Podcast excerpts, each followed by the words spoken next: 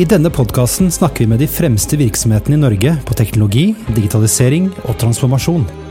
Hva skal til for å lykkes, og hvordan går man frem? Du lytter til Teknologi og mennesker, en podkast av Athea og Oslo Business Forum.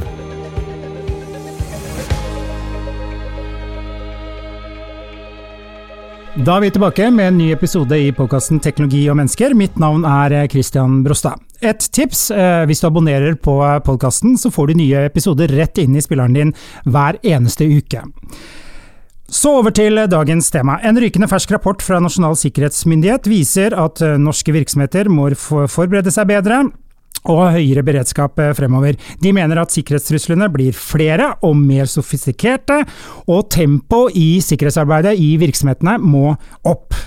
Vi spør om hvordan det egentlig står til med IT-sikkerheten i Norge, og hva virksomheter nå bør gjøre. I tillegg så skal vi mene noe om TikTok-ministeren, og vi skal eh, se på de kriminelles bruk av AI-tjenesten ChatGPT.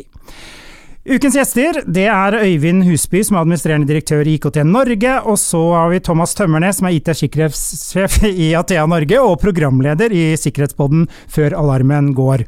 Velkommen til dere. Takk for det. Takk skal du ha. Eh, jeg tenkte vi skulle begynne med deg, Øyvind. fordi eh, Mediene er jo eh, fullpakka ukentlig om ulike sikkerhetshendelser. Og vi lever jo i en veldig urolig verden. Vi har en krig. Og vi får jo følelse av at det er en sånn verdikamp i mm. verden for øyeblikket. Hvordan ser du på liksom trusselbildet i verden akkurat nå?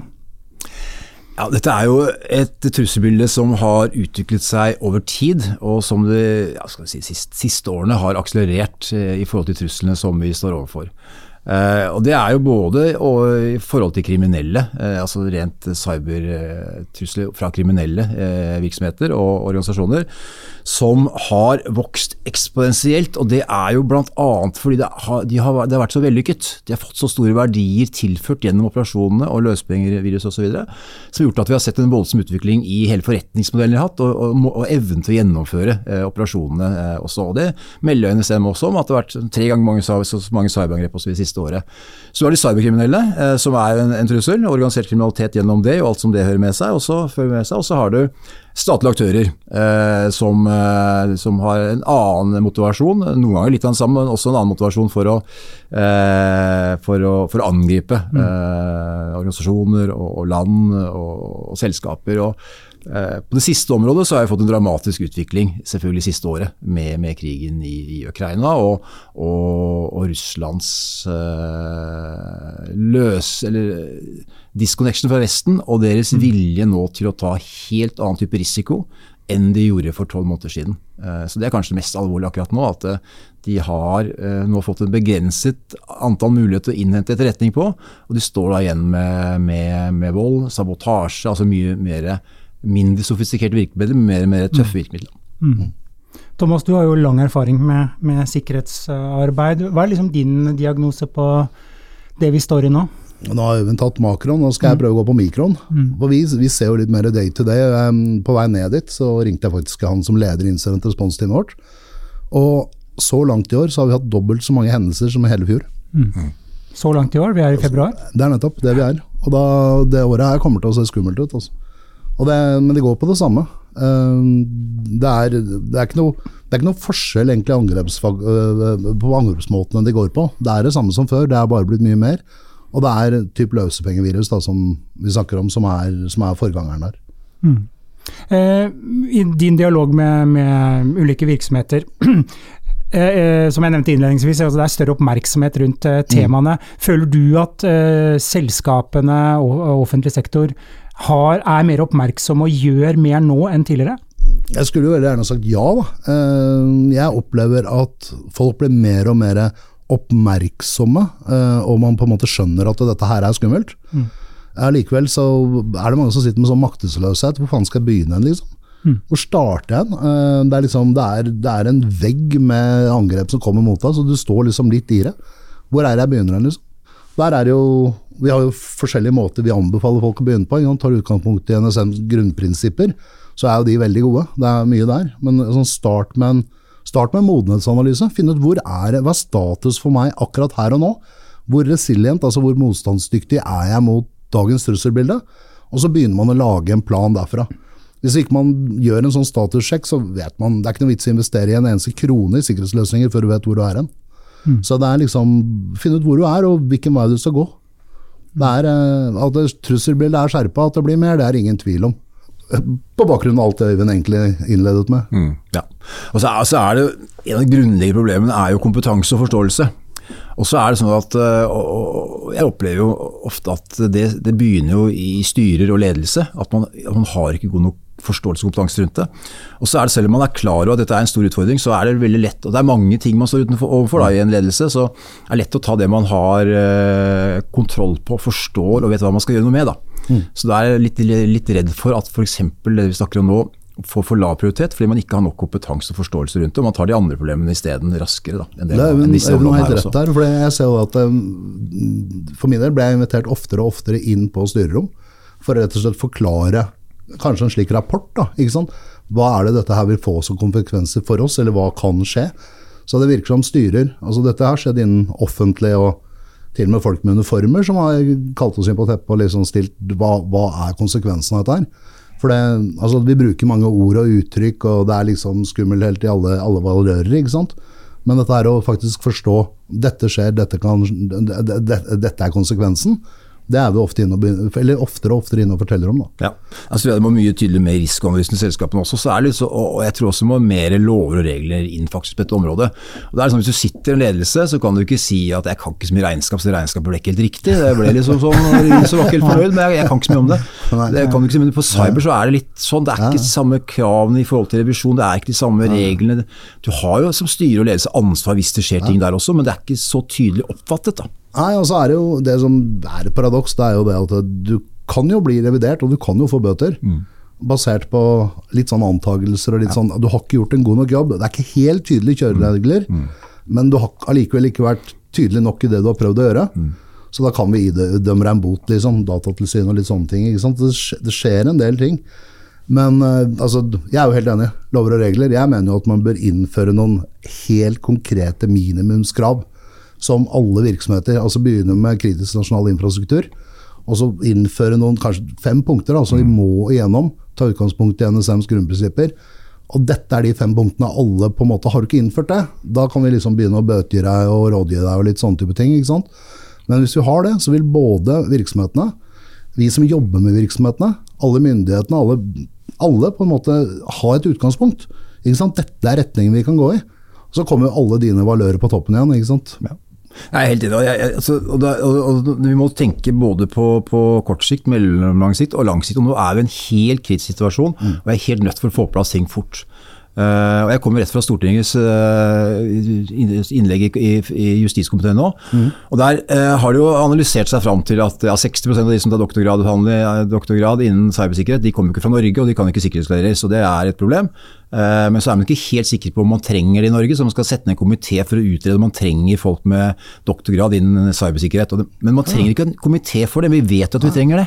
Og det er litt sånn, Man har litt for god tid på dette området. Og Et annet eksempel jeg mener, at det er at som du sier at NSMs grunnprinsipper er bra, og de har et kurs, grunnkurs i NSMs Ja. grunnprinsipper, som er bra. Og nå er jo 20 000 tatt til grunnkurset. eh, Da må jeg, skal være og få lov å skryte. ja. Men det er litt by accident også, for det er ikke noe plan hvor mange som skal ta det. Mens justisministeren slår seg på brystet og si at ja, det er kjempebra, vi har fått 20 000 satte, men det er jo Ja. ikke hennes feil, det er fordi at det er andre årsaker. Og jeg mener jo at det nå skulle inn, blitt innført, i løpet av fire uker skulle alle ordførere og rådmenn ta det kurset.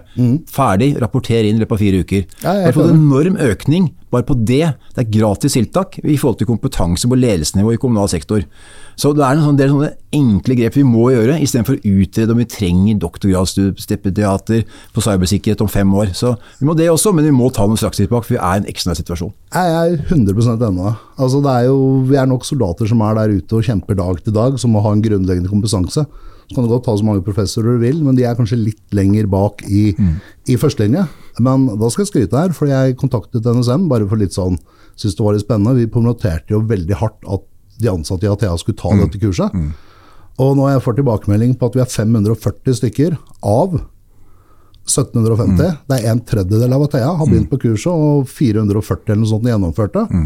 Så det betyr jo at vi er 5% av de som tok det kurset. Og det, det vitner om at vi, vi, vi, går i riktig retning. Vi vil, og vi, vi prøver å få til. Da. Vi gjør det. Men ja. så er det viktig at det, det, problemet sitter jo i ledelsen. Eh, og det er Fint at vi, at vi, kan det, og det er jo bra, men det må jo sitte i ledelsen de som skal faktisk skal bestille dette her, og de som skal ha kontroll på dette her. og Det, det er ikke rart at man blir litt maktesløs ikke helt hvor man begynner hvis man ikke har det kurset engang. Da er det liksom, Det må tas, og det må tas raskt, det må rapporteres, det må gjennomføres.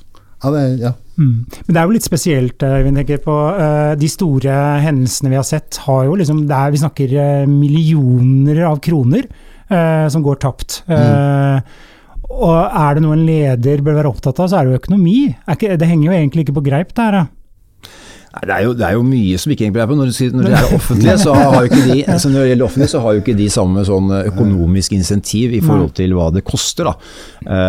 så det er jo én ting. og det jeg tror det dreier seg om, det er jo det er kompetanse, men det er også kultur og ledelse. Mm. Og når Riksrevisjonen de siste 18 månedene vel har slaktet en fem-seks offentlige institusjoner, slaktet ordentlig i forhold til cybersikkerhet, mm. jo, det får ikke noen konsekvenser.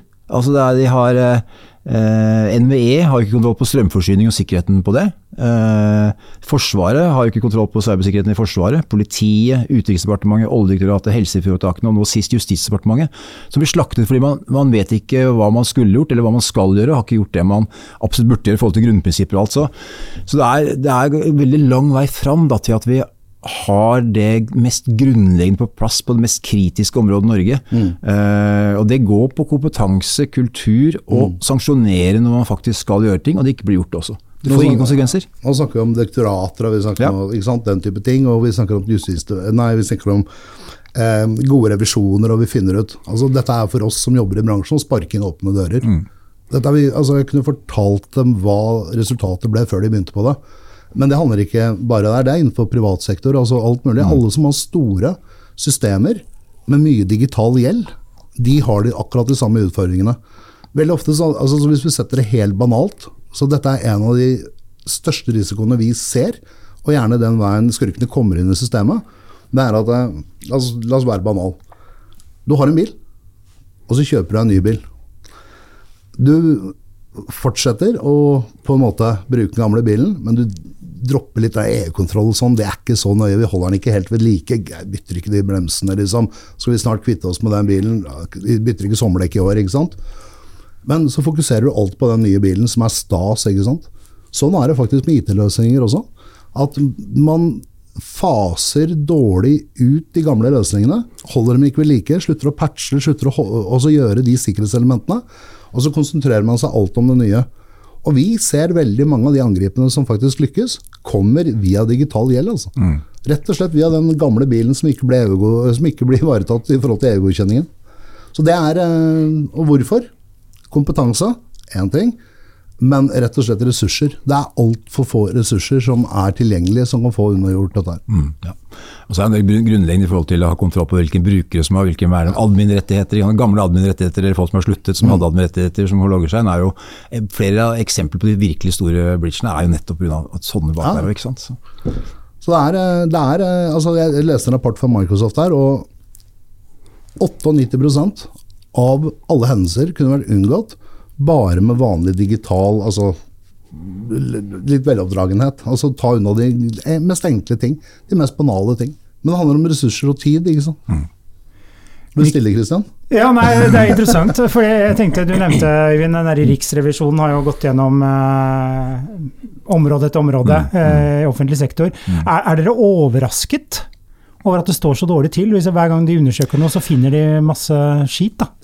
Jeg vil, jeg vil si jeg er sjokkert, men ikke overrasket. da. Altså, mm. Det er sjokkerende at Norge ikke har kontroll på, på strømnettet i Norge. Og Det er mest grunnleggende ting vi ikke kommer opp i. Altså, de har outsourcet IT-systemer uten å komme på hvem de har outsourcet til, uten å få rapportert på, på avvik. Mm. 30, 30 uheldige hendelser de ikke kan dokumentere. De har ikke ført tilsyn, de har ikke en plan i forhold til hva de skal gjøre framover. De mangler kompetanse. Og så sender de en pressemelding og sier at de syns dette er, er riktig, og de, har, de, er ikke enige med Riksrevisjonen. Så i forhold til som forventningen til at det blir bedre òg, er jo ikke den største. Og Dette er jo det samme som skjedde i Forsvar mm. og nå i Justisdepartementet. Justisdepartementet, altså Sikkerhetsloven var viktig, det kom for fire år siden. Men Justisdepartementet har ikke sørget for at den har blitt innført. De har ikke noen rapportering på hva som gjenstår for å innføre den, når den skal være ferdig. Mm. og, og, det, og, det, er jo som så mange eksempler på område til områder som man blir sjokkert på. Et annet eksempel var når det, det, ble sprengt en, en gassredning i Østersjøen. Eh, og Så kom jo, kom jo olje- og energiministeren eh, på banen, og hvem har ansvar? Jo, det er oljeselskapene. Etter to eh, dager på Dagsnytt hvor eh, oljeselskapene grillet på det egentlig ansvaret, at de har jo ikke ansvaret for dette her. De tenker jo på om det er gasstrykk i oljeredningene, men ikke i forhold til eksplosjoner og, og, og, og terror. Mm. Og så ja, det er politiet skal ha ansvar. Nei, politiet har jo ikke båter å kjøre ut der, så er det Forsvaret som har ansvar da. Så etter at det har vært krig nesten et halvt år i nabolandet vårt, og det sprenger en gassledning, så vet vi ikke hvem som har ansvar for sikkerheten på norsk olje- og gassinfrastrukturen. Eh, og Så kommer Forsvaret og skal, skal forsvare, og så har vi ikke oversikt over akkurat hvor den ligger hen. Mm. Og Det har etter vært krig ganske lenge i det, i, i det største landet i Europa. Altså. Mm. Og det kan si at 15 andre områder også som er tilsvarende, men hvor man ikke har gått gjennom scenarioene. Man har ikke klar ansvarsdeling. Mm. Man har ikke eh, klar eh, Man tar ikke ansvar i forhold til hva man faktisk har heller. Eh, og så Når det faktisk melder, så ser man at dette er jo ikke bra. Det er jo sånn Når Riksrevisjonen kommer, dette er jo ikke bra. Og så spørsmålet om vi klarer faktisk å ta tak i det og gjøre noe med det. Og jeg er jo ikke så optimistisk der heller, når du ser at det har vært syv riksrevisjonsrapporter på rad uten at det har blitt bedre på noen områder. Og Nå kan man spille spørsmål til politikerne. Ja, hva er det som skjer nå? Hva er oppfølgingspunktene? Hva er konsekvensene av det de har avdekket? Og Jeg syns ikke vi får gode nok svar der heller. Er det ikke der du kunne fått på plass eh, Datatilsynet? Gått inn og så begynne å gå ettergått om faktisk ting var gjort? Ja, Det er mulig Datatilsynet burde gjort en jobb der, men det er nok eh, det er jo Problemet er jo sektorinndelingen på disse områdene. her. Det er Justis har det overordnede ansvaret, men så er det jo uh, ulike sektorer under justis. og Så er man ikke helt sikker på hvem som egentlig har ansvaret. Men når det gjelder lover og regler, så er det Justisdepartementet, og de har det overordnede ansvaret for, for cybersikkerheten i det sivile samfunnet. Så, så, det er jo utgangspunktet klart, men, eh, men Riksrevisjonens rapport viser jo at dette ikke er klart, ikke er tydelig. Og, og, og det er vel en 25 punkter som de må forbedre på. Da, nå, nå spør jeg det jeg ikke vet, men um, er det, det er ikke noe deadline mellom når rapportene er eh, frigitt fra Riksrevisjonen og når ting bør ferdigstilles? Det er litt, for, litt, forskjell på det. På NVE så sa du vel at du skulle gjøre en ny revisjon i løpet av to år, så det er vel snart igjen. Eh, okay. Så, så, noen steder så kommer det i forhold til når de skal følges opp også, da. Og så kommer jo også svar fra, det, svar fra, fra sektoren også, eh, hva de har tenkt å gjøre med tiltakene. Så hvert enkelt område så, så, har de en kommentar på enten om de ikke er enige, eller om de har tenkt å gjøre noe med det også. Men det er litt avhengig av hvilket område det er. Det er ganske mange som er uenige når bilen deres ikke blir EU-godkjent. De får ikke lov å komme tilbake om to år og vise den og se Nei, nei. nei. De gjør ikke det. Så, så det kan forenkles, eh, sannsynligvis? Ja, ja, det kan det. Og så må det få større oppmerksomhet på alle, områder, på alle, alle nivåer på lederskapet i Norge. Da. Så det var, en, det var en episode her med, med Stortinget, og, og, på en måte de ikke innførte noen tofaktor. Jeg vet at du har en god historie på det?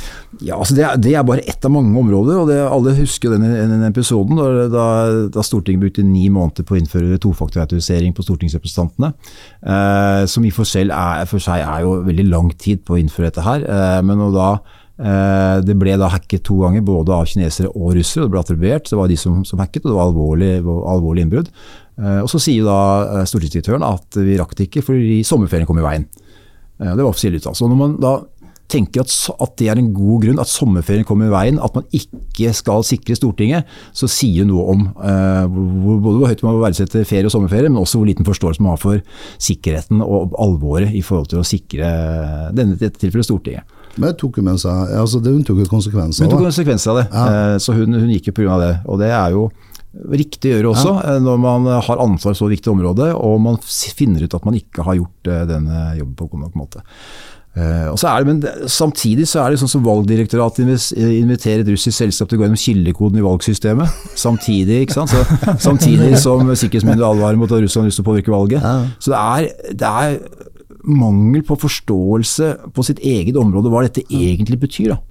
Um, og det er mange andre eksempler også. Så. Men der er faktisk, eh, altså Jeg jobber mye med forskjellige IT-sikkerhetsprodusenter.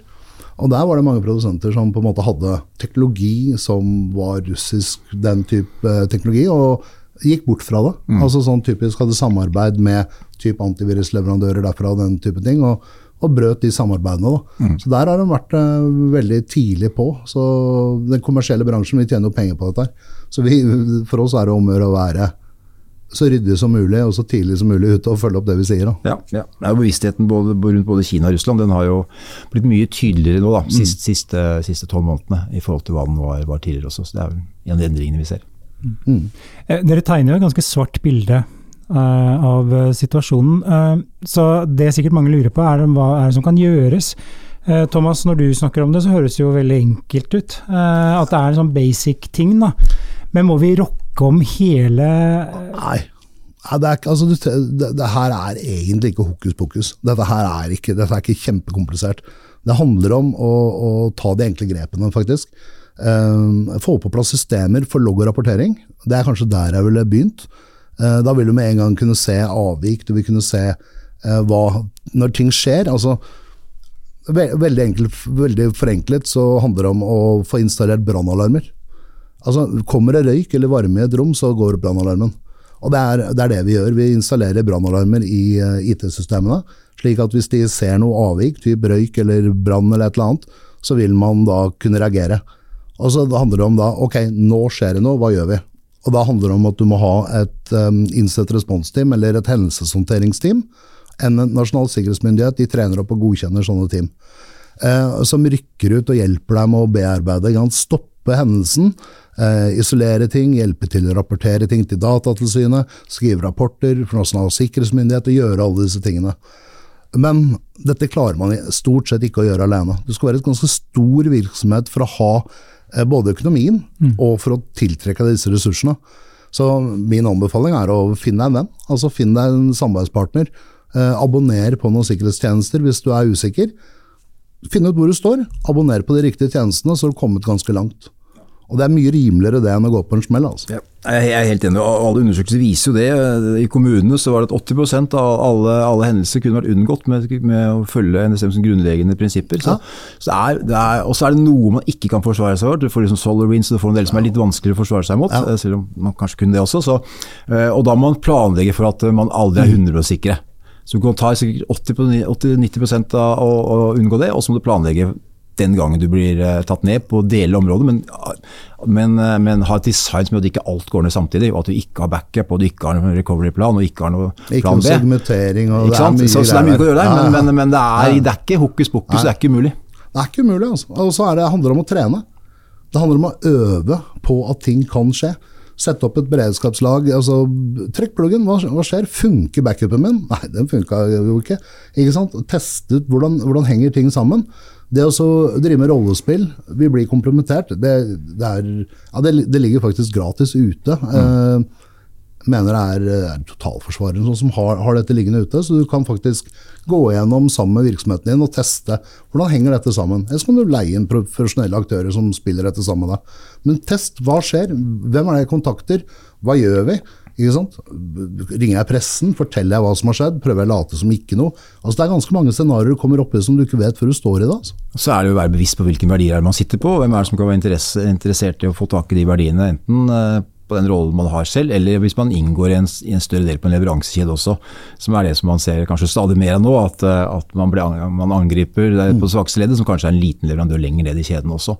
Så, så det er også en bevissthet rundt det, og det vi var inne på i stad også i forhold til det geopolitiske også, å se på hvor er det faktisk komponentene kommer fra nå, og hvor kommer det fra i framtiden, og hvor er det ressursene er i forhold til hvor man skal produsere ting framover også.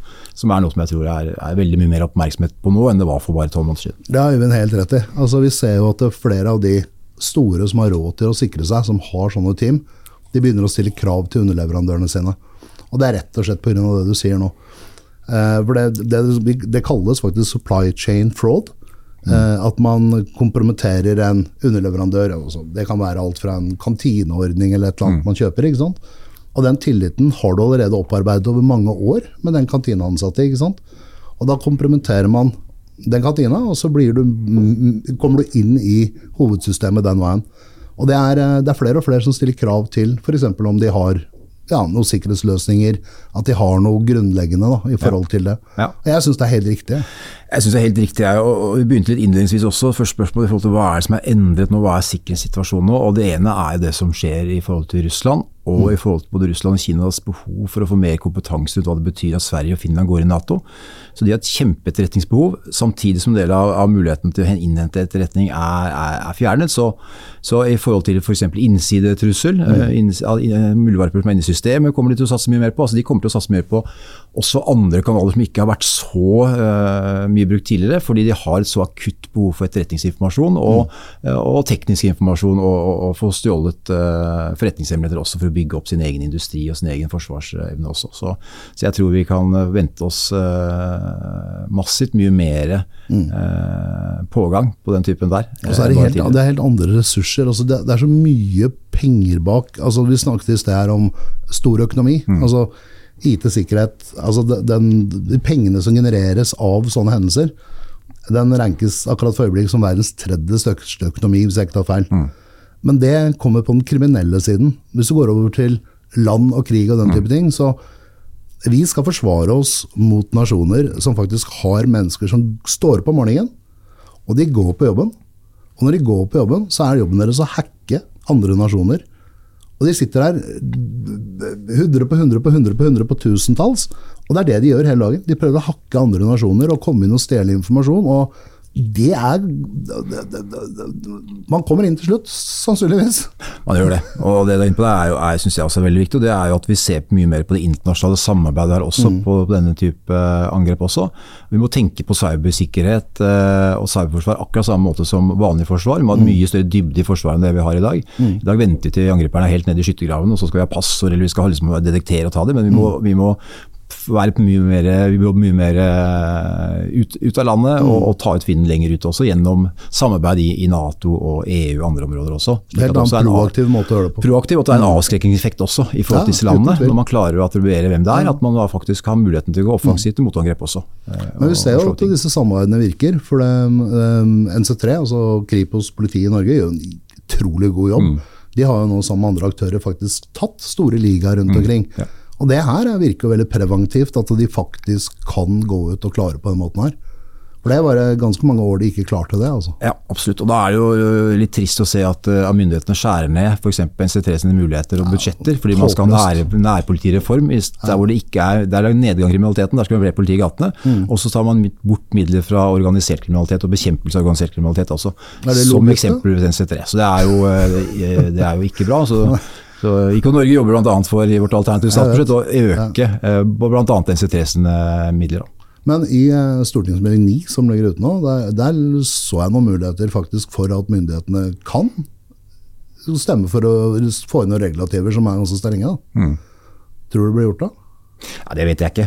Men så er det ikke bare, det ikke bare regulativer og, og, lover og regler. Det er veldig mye annet som er på plass også. Ja. Og, og, og, Det ene er forståelsen for å styrke disse miljøene i ja. budsjettet også. Og det som var budsjettet som kom nå, det, var, så ikke bra ut. Men nå har vi spilt inn nye innspill både til revidert og til budsjettet for 2024. Så der har vi jo foreslått en økning bl.a. på SC3.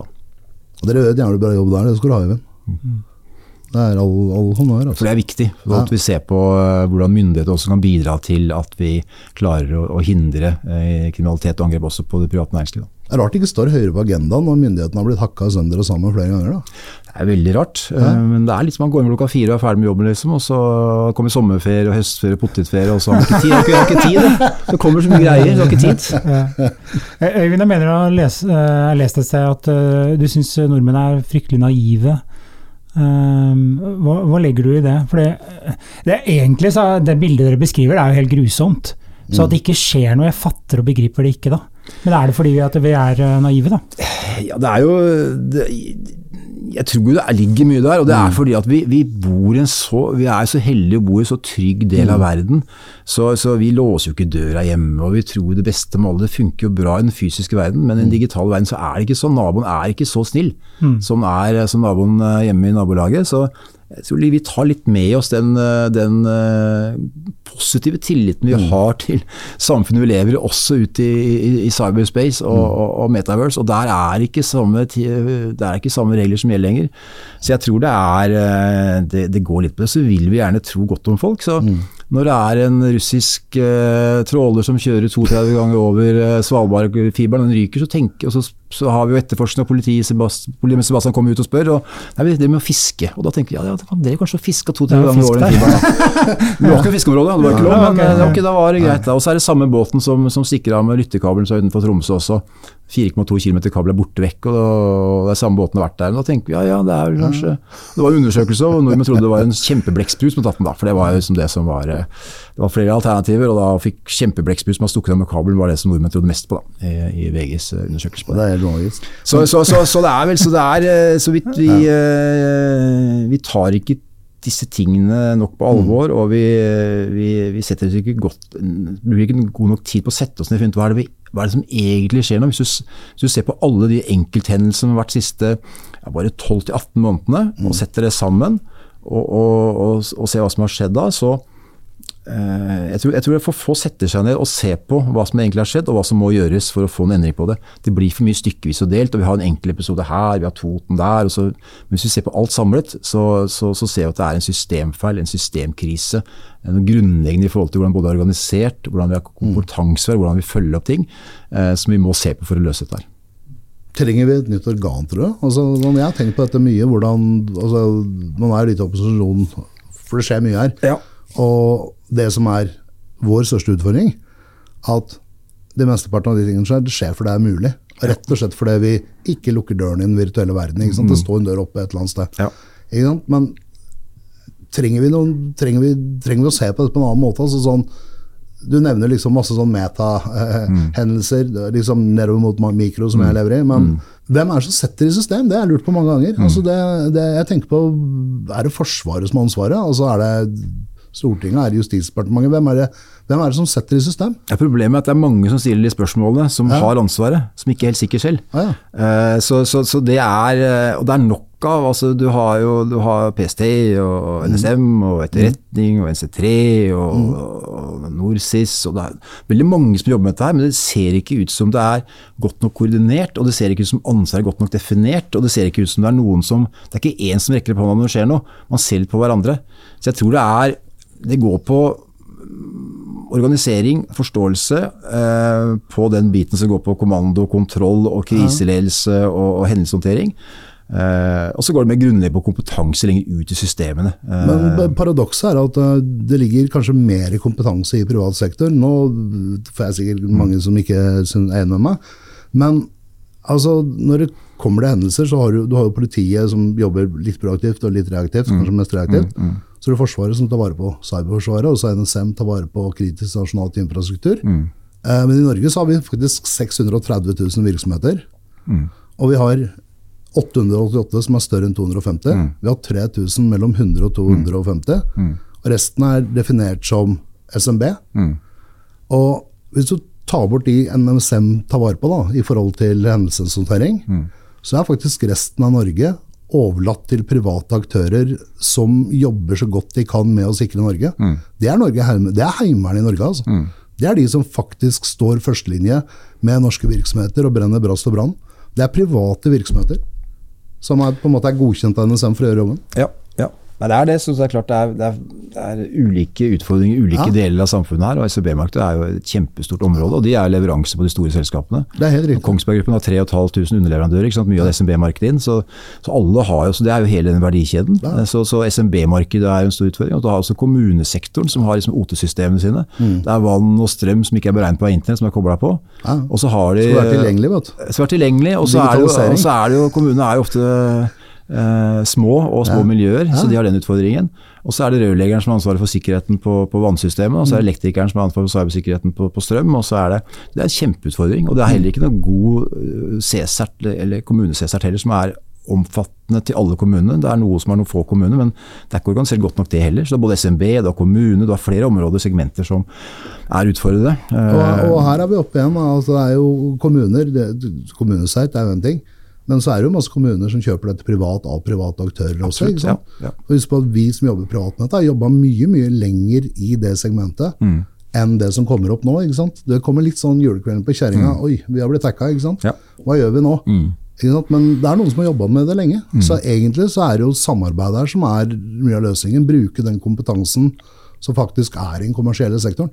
Mm. Hvis ikke vi gjør jobben vår, så er det ingen som kjøper noe, da har vi ikke noe å gjøre. Så vi må være relevante, og vi må, vi må stå i førstelinje. Vi. Ja. Det må det. Og så er, så er vi, det er- ikke nok kompetanse til at du skal bygge opp et stort offentlig apparat rundt dette her, og et stort privatapparat. Så finner ikke nok ressurser. så vi må bruke et, bruke et mest mulig effektivt, og da er det samarbeid mellom privat og offentlig. Så, så det er ikke nødvendigvis flere, off, flere ansatte i offentlig, det er å bruke den private kompetansen mye mye mer, bedre enn de gjør i dag. Så det er, tror Så må noen gi fra seg litt ansvar, for alle sitter jo på sine tuer mm. rundt omkring med alle de du nevnte. Ikke sant? Hva, hva gjør de alle sammen? Aner ikke, og jeg, jeg er litt over gjennomsnittet interessert. Mm. Hvor begynner de, hvor slutter de med? Det, er- det jeg vet at hvis, jeg ikke, hvis ikke vi gjør jobben vår, så try- tryner halve Norge, og mer enn det. ikke sant? Ja, nei, så, så, så bedre, mer systematisk og forpliktende samarbeid mellom privat og offentlig er, er, er en av en nøklene her også. Ja. Og så er det som sier, altså, Hva er det som skal til for å gjøre dette på en god nok måte? Og Vi eh, ikke Norge, vi, vi tenker litt på hvordan skal vi sette, hvordan skal vi, hvordan skal vi rigge dette best mulig måte hvis vi skal starte nytt. da, på, Mm. på, på, og se på helt med blanke ark. Hvordan blir det bygd opp både teknologisk, organisasjonsmessig, ledelsesmessig, cybersikkerhet av Norge. Mm. Um, som, som er alle disse områdene vi, vi ser på nå. Så det, det jobber vi litt med for å se om vi skal komme med mer helhetlig løsning på dette. da. Jeg sitter meg gjerne ned på en sånn sparreaften sammen Ja, med deg ja. her. Altså. Veldig gjerne. Nydelig. Eh, jeg blir litt sånn deprimert da, av å høre på dere. Eh, Fordi det er jo, du, Dere nevnte jo, ikke sant, du snakket om det er en haug, en skog med små og mellomstore bedrifter. Og NSM påpekte jo sin rapport denne uken at eh, det er en fin inngang til de større virksomhetene, at du hacker de små, den eh, leverandørkjeden egentlig. Eh, hvorfor er det sånn da at eh, disse eh, Man forstår kanskje ikke da. Eh, for det er jo, lederne forstår jo ingenting her, tydeligvis. Men hva, hva, hva kan man gjøre med, med det? Eh, Små virksomheter. Små virksomheter, fordi at de er jo overlatt til seg selv. Ja, det første må man tenke ut, altså sånn, Hvis du er leder i en liten virksomhet, så er primært er alle virksomheter er å tjene penger. Ikke sant? Og IT-sikkerhet er jo akkurat som en forsikring. Trenger du den forsikringen? Ja, Kanskje ikke før det smeller. ikke sant? Det vi ser da nå, det er jo at eh, flere større virksomheter, som du nevnte på, med dette her med, med tjenesteleverandør oppover, eller supply chain, eh, krever at du har en sikkerhet på plass. Så da blir det faktisk et konkurransefortrinn at du har gjort jobben din. Og da får du to ting. Du får et konkurransefortrinn i anbud og den type ting. Eh, du senker risikoen for at du blir kompromittert selv. Eh, og du, du, du, har, du har et sunnere miljø her, ikke sant. For det mange ikke tenker på, det er at ja, jeg blir kompromittert. Ja, jeg må betale noen løsepenger. Fine. Det er ikke fine. For du må faktisk gå gjennom hele den løsningen du har. Det koster enormt med penger å gå gjennom løsningen du har. Du må sjekke om, om, om eh, ja, hackerne har lagt igjen noen bakdører. For veldig ofte når du har blitt kompromittert én gang og du betaler penger, så går det et kvarter, og så skjer det igjen. Og Det er ikke så rart, for du har vist betalingsvilje. Prøv å betale deg unna. Og da tenker de at ja, ja, betaler de nå, så betaler de sikkert om et kvarter òg. Så da legger de inn en bakdør, og så er alle happy go lucky, og så går det et kvarter, og så går det ned igjen. Og det, er, det ser vi jo, ikke sant. Så vi anbefaler ingen å betale. Og jeg er litt usikker på lovligheten bak det òg, for det er, det er jo å sponse kriminalitet. Da. Jeg vet ikke hvor lovlig det er i Norge. Nei, det er ikke, det er ikke veldig, det er ikke veldig lovlig. Det er ikke veldig så- så- Men det er jo også, også alvorlighetsgraden også. Det er jo, en internasjonal undersøkelse viser jo at 60% av SAB-bedrifter som har blitt utsatt for hackerangrep, finnes ikke om tolv måneder. Mm. Fordi de har liksom gått konkurs eh, og ikke klart seg. Så de store selskapene har ofte en litt buffer for å klare å ta eh, et økonomisk tap, men små bedrifter har jo ikke det. Eh, og så er det jo For mange små bedrifter så er det jo litt avhengig av hvordan de er satt opp, så er det jo veldig mye gode eh, løsninger som man kan eh, konfigurere som blir det en sikker god løsning. Hvis man har standard programvare eh, og ikke mye eh, ekstra greier, så er det jo ganske lett å sette dette opp på en god og bruke bruker flinke folk til å sette det opp. Eh, ja. Så, så, så, så, så som vi sier, altså 80, 80 90 kan, av angrep kan, Mm. eh, kan, som er vellykkede, kan unngås ved at man setter det til på en riktig måte. Så, så, det er ikke, så man skal ikke være for deprimert, for det er, det er løsning på dette her. Så, Ja, altså, så situasjonen er ikke bra, men den kan bli veldig mye bedre, og det er en vei dit. Og så er det utrolig mange flinke folk som jobber med IT-sikkerhet. Jeg tror det er 700 ish, som vi prøvde å regne ut her, eh, som jobber kommersielt med IT-sikkerhet, som er der ute for å hjelpe til. Og alle de som gjør det, de, altså det, de lever ånder for å jobbe med IT-sikkerhet. De syns dette er kjempespennende.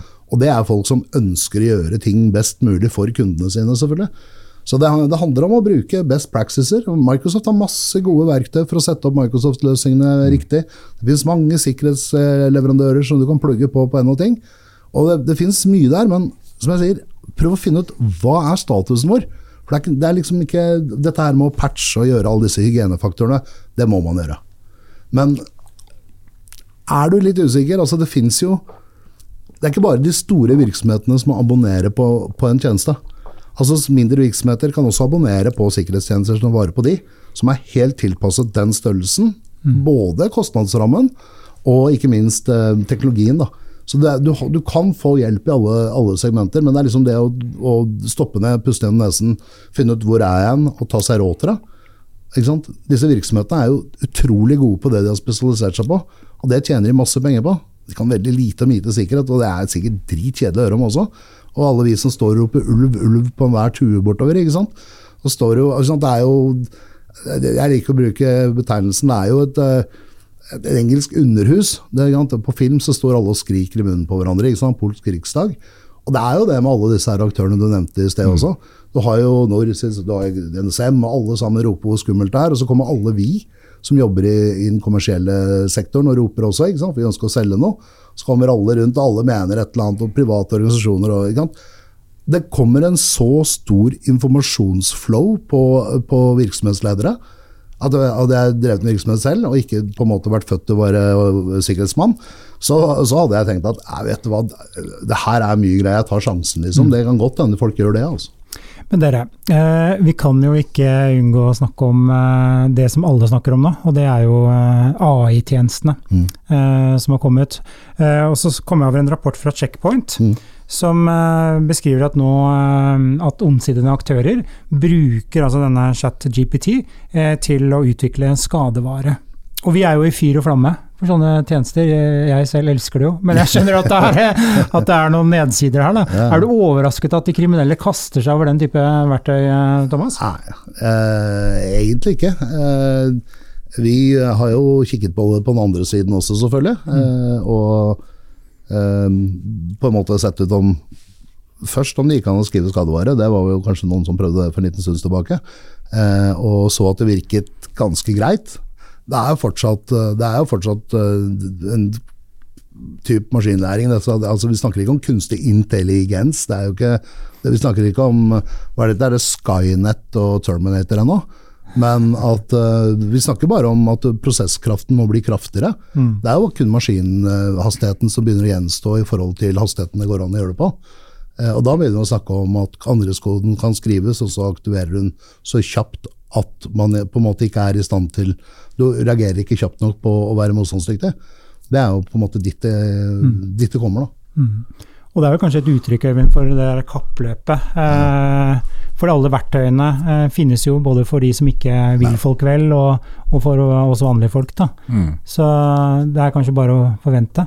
Ja, ja, helt klart. Og dette er jo eh, ikke, ikke overrasket over at, at de er, er flinke og raske til å bruke ny teknologi. Mm. Det har vist seg at de er eh, de som er profesjonelle hackere og, og, og, og, og statlige aktører, de, er, de tar ny teknologi i bruk, eh, bruk raskt. Og dette er, gir jo veldig gode muligheter for de til å lage veldig sofistikerte angrep også.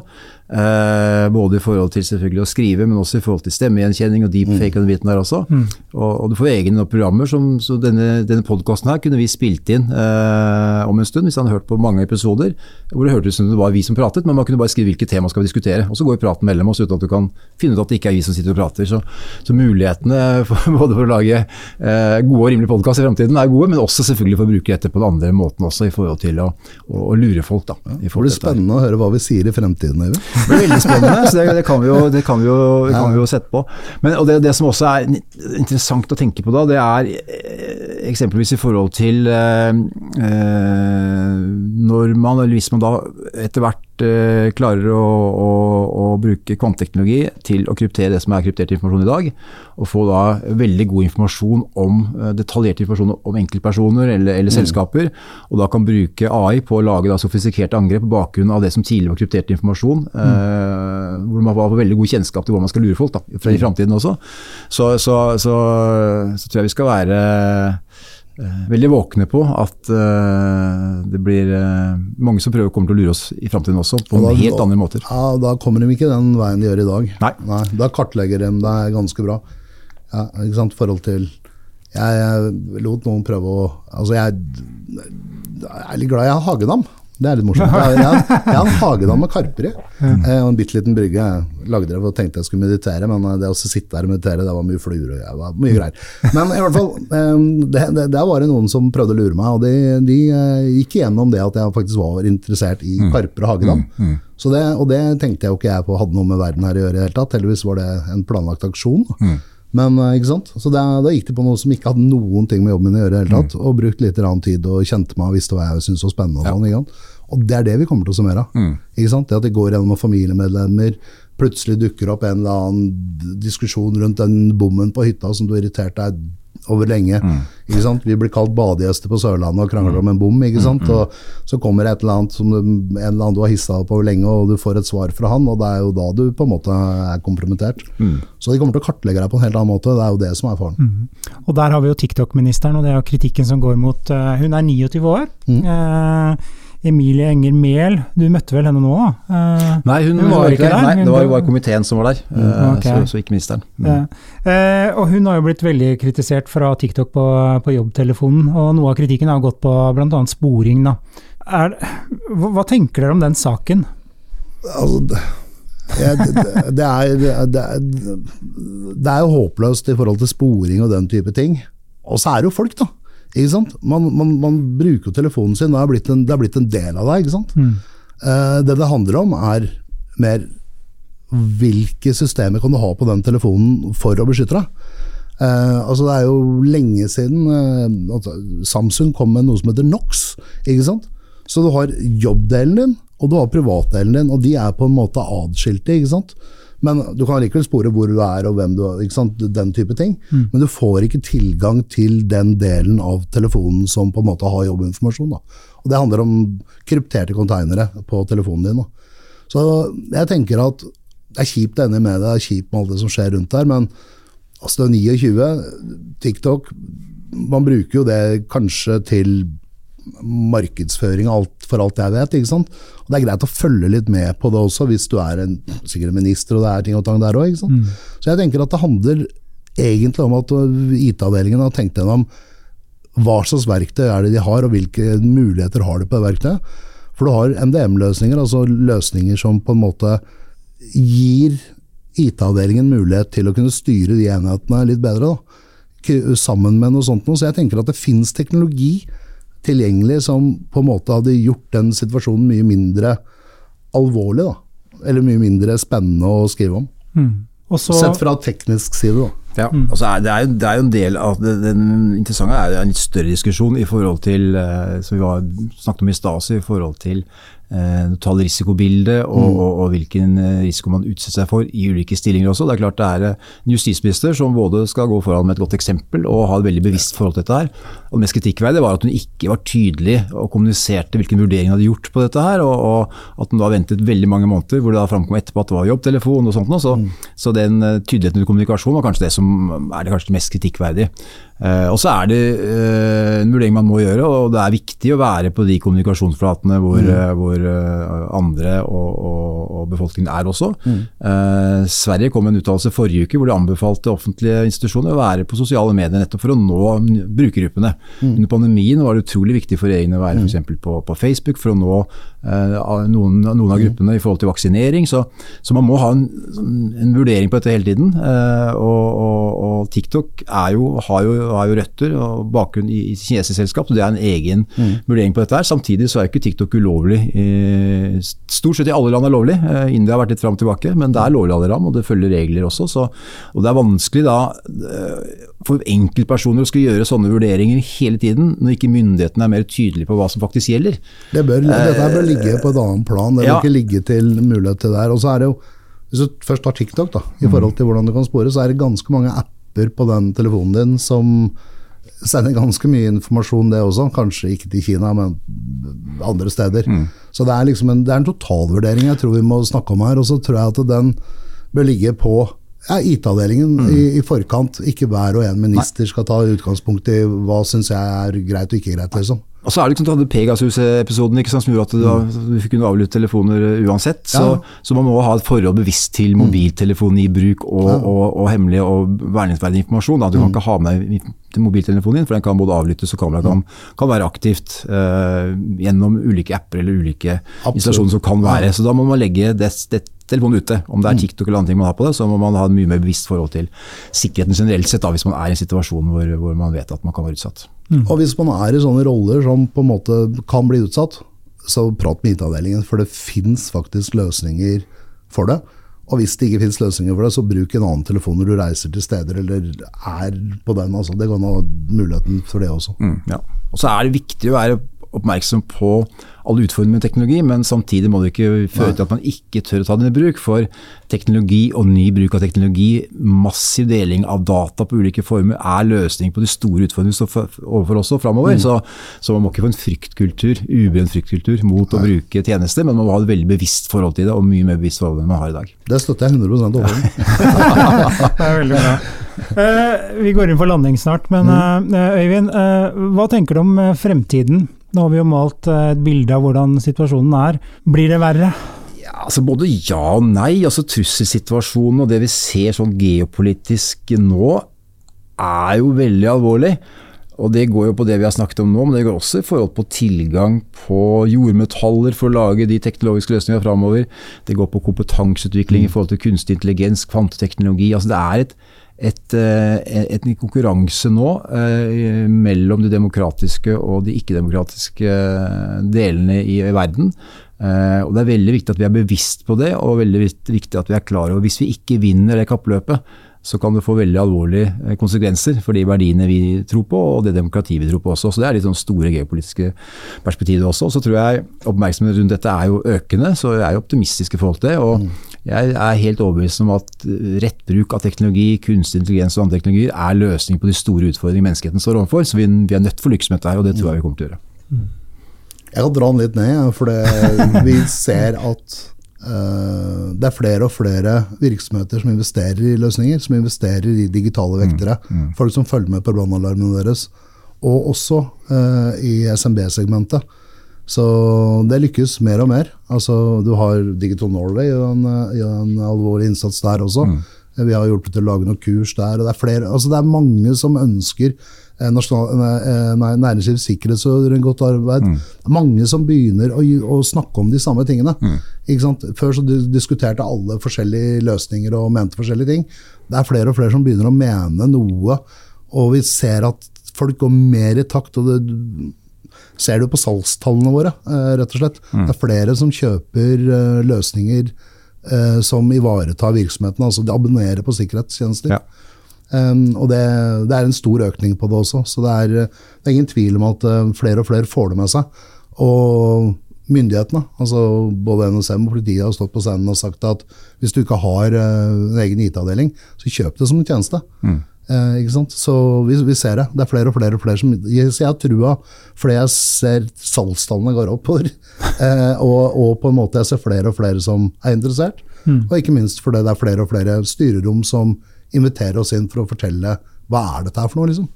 Og så tror jeg det kommer til å bli mye viktig, eksempelvis i offentlige anskaffelser også, at sikkerhet kommer med som et helt vesentlig krav der, også, og det ikke bare er pris som det veldig ofte er i dag også. Så, så, og det som vi var inne på i stad, det fins løsninger eh, hvis man bare er bevisst og, og velger rett. Mm. Det er helt riktig. Og Øyvind, dere, var det en invitasjon i stad, eh, når dere skulle begynne å tenke på eh, dette med IT-sikkerhet? eh, Ja, det er med blanke ark osv. Ja, hvem, hvem kan man snakke med her? Jeg kan snakke med, snakke med meg, Ja. som leder arbeidet i IKT Norge også. Så vi kommer til å ta initiativ og vi kommer til å prøve å se litt bredere og sette sammen en bred gruppe for å se hva er det vi faktisk skal gjøre for å bygge på det vi allerede har, men for å, for å få løst de utfordringene vi ser. For vi, vi, vi syns ting går for sakte, og vi syns det er for mange eksempler på ting som ikke går riktig retning raskt nok. Da. Så, så vi ønsker å se på dette på en annen måte. Og husk på å holde en stol til meg der. Ja. det, er, det er notert. Ellers blir det bråk. Det er. Da skal vi over til vår faste spalte. IT-blemma. Har gjestene gjort noen store digitale tabber? F.eks. trykket på en link de ikke burde trykket på? Har de blitt hacket? Eller har de rett og slett sendt feil emoji til en kollega? IT-blemma. Nå skal vi over til uh, å snakke om IT-tabber, så nå er vi veldig spente. Vi har utfordret gjestene våre til å by på sine verste IT-tabber. Så jeg vet ikke hvem som har uh, Alle, begge to ser opp i taket. hvem er det som har lyst til å starte? Thomas, kanskje? Ja, takk skal du ha. Um, jeg tenkte at jeg skulle ta en annens tabber. Jeg tror ikke mine er så spennende. Eh, jeg har jo vært paranoid siden jeg ble født, så det er veldig sjelden eh, på en måte, Det skjer jo selvfølgelig, men, ja. men eh, jeg, hadde en, jeg, jeg, landet med fly her, det er en tid tilbake. Og da hadde jeg seks tapte anrop fra samme nummer. Og jeg ringte jo selvfølgelig opp igjen, og, og der var det en figur som er relativt kjent, faktisk, som, som var helt fortvila, og livet var over. Og jeg eh, prøvde å spørre hva, hva er egentlig som har skjedd her. Eh, og jo, nei, jeg hadde mottatt en eh, mail med åpent brukernavn og passord. Eh, som gjorde at vedkommende følte at dette var helt reelt. Mm. Eh, hvor man hadde blitt eh, no, En hacker hadde vært inne og fått tilgang til kamera. Og filmet vedkommende mens surfet rundt på, på noen sider med noe pornografisk innhold. Eh, og dette var jo helt krise, da, for du hadde liksom ansikt og alt mulig. Eh, og det er klart det er krise. Det er klart at dette er helt kaos, ikke sant, når du får en sånn, sånn henvendelse. Og jeg prøvde å si at eh, For jeg sjekket da med, med ja, skikkelig rundt og skjønte at dette var en stor kampanje. Det kalles en kampanje når det blir sendt ut i mangetall. Mm. Så det var 300 stykker som hadde mottatt samme mail samme natten. Eh, og alle sammen hadde jo fått brukernavn og passord som var deres. Men dette her var jo brukeren av passet som var stjålet uh, for noen uker siden, som var satt i gang med en sånn kampanje. Og det gjør man rett og slett så du skal få den derre 'Å, herregud, dette er sant', ikke sant. Mm. Uh, så, uh, så, jeg prøvde å forklare vedkommende om hva, som skjedde, og ja, var helt fortvila. Hadde jo til og med statsministeren på meldinglista si, så ja, greiene, det var helt, det var helt krise. Så eh, etter et, ja, et par-tre runder og tre-fire telefoner der hvor jeg prøvde å roe ned og måtte sende over litt annen informasjon og på en måte forklare dette greiene, så, så roet det seg. da. Eh, og dette er ikke nødvendigvis en, en, stor blemme eller tabbe, eller noe sånt, men det er veldig mange som går på den smellen her. For det, det betales og Det var ikke mye penger du skal ha, du skal 10 000 kroner eller noe sånt. Og det er så utrolig mange som betaler, eh, betaler de pengene her, mm. at når du begynner å prate rundt deg, så, så, så, er det sånn at folk kjenner noen som har gjort det. Så, man, så læringen er å bare lære, det? Nei, ja, bare, bare det det er det mm. ene. Men læringen her er at hver gang du leser om dette her at millioner av passord er borte histen eller pisten, så ler du og så tenker du dette har, har ikke noe å si for meg, og så gidder du ikke å bytte passord. Mm. Ja, det skjer. Bytt passord med en gang. For da vet du at når den mailen treffer deg med noen som har filmet deg i en litt uheldig situasjon med, med litt for bredt smil, eller hva du måtte ha, så da vet du at det her er ikke reelt. ikke sant? Mm. Så følg med. ikke sant? Det, her, det, det kan bli en fet IT-tabbe ut av det, for å si det sånn. Ja. Du har ikke opplevd det? Det, jeg, jeg, snakker jeg, snakker, jeg, snakker for, en venn. snakker for en venn, Veldig bra.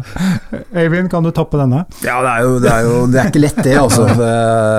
Så, men eh, det er mange å ta, da, så jeg burde klare det. Nei, også, altså, eh, et sted jeg jobbet tidligere, eh, så var det en som så seg lei av at folk ikke tok sikkerhet på alvor, og at folk gikk fra PC-en sin uten å logge seg av. Mm. Uh, og beste måten få folk til å, å forstå det på, er jo å, å, å gjøre noe med det. Så, så uh, en gang jeg da gikk fra PC-en uten å logge meg av til lunsj i et åpent landskap, så gikk han da inn og sendte en del mail til andre ansatte fra meg.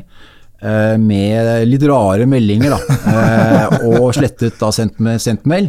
Uh, han gjorde det på flere også, så en annen gikk han og, og sa opp jobben. Han sendte sjefen 'hei, jeg er lei av å jobbe her', og sier opp. Og, og kom tilbake for lunsj, så fikk han mail tilbake som ja, vi må ta en prat om dette her og sånt. Så, så, så, så, det var en det ikke jeg som sa, men jeg fikk eh, en andre ting jeg måtte oppklare i etterkant. Altså, ikke gå fra, fra PC-en eller Mac-en uten, uten, å logge av, det er jo et uh, veldig godt triks. Ellers så kan det faktisk skje enda mer alvorlige ting enn at noen gjør et spankball på og sånt der. Godt råd. God avslutning. Uh, Thomas, Øyvind, tusen takk for at dere kunne være med, og tusen takk til deg som har lyttet på. Du har nå lyttet til Teknologi og mennesker, laget av Athea og Oslo Business Forum. Liker du podkasten, setter vi stor pris på om du gir oss noen stjerner. Og tips gjerne en venn om podkasten.